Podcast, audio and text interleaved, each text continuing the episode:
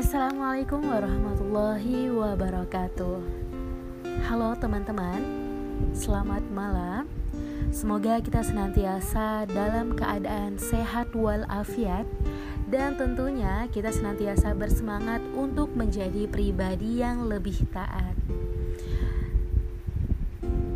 Hai, perkenalkan nama aku Ririn dan kali ini podcast Ridin akan ngebahas sedikit nih mengenai bagaimana sih cara kita untuk mengekspresikan balas dendam.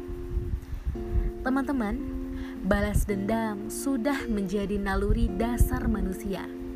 Ketika merasa dikecewakan, tersakiti, terzolimi, dan berbagai perlakuan tidak mengenakan lainnya dan dalam kenyataan hidup sehari-hari, kita melihat bukan? Ada begitu banyak ekspresi balas dendam yang orang lakukan. Ada yang mengekspresikan balas dendam dengan cara menjadikan dirinya nakal, brutal, pengganggu, dan juga pembangkang. Teman-teman, ekspresi balas dendam seperti itu biasanya sering kita temui pada golongan orang yang merasa dirinya sudah dihianati, sudah disakiti, dan juga dikecewakan oleh orang-orang terdekat, baik pasangan, sahabat, ataupun keluarga. Namun, tahukah kita ada satu cara mengekspresikan dendam yang sangat elegan, tidak bertentangan dengan hukum, dan justru lebih baik. Apa itu?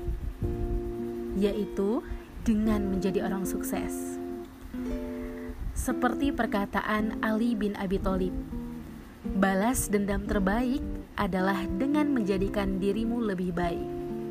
Jadi teman-teman, daripada kita ngerusak diri, keluarga, bahkan lingkungan, lebih baik balas dendamlah dengan cara yang paling elegan, yaitu dengan berusaha sebaik mungkin dan sekuat tenaga untuk menjadi pribadi yang sukses dan bermanfaat tentunya. Semangat!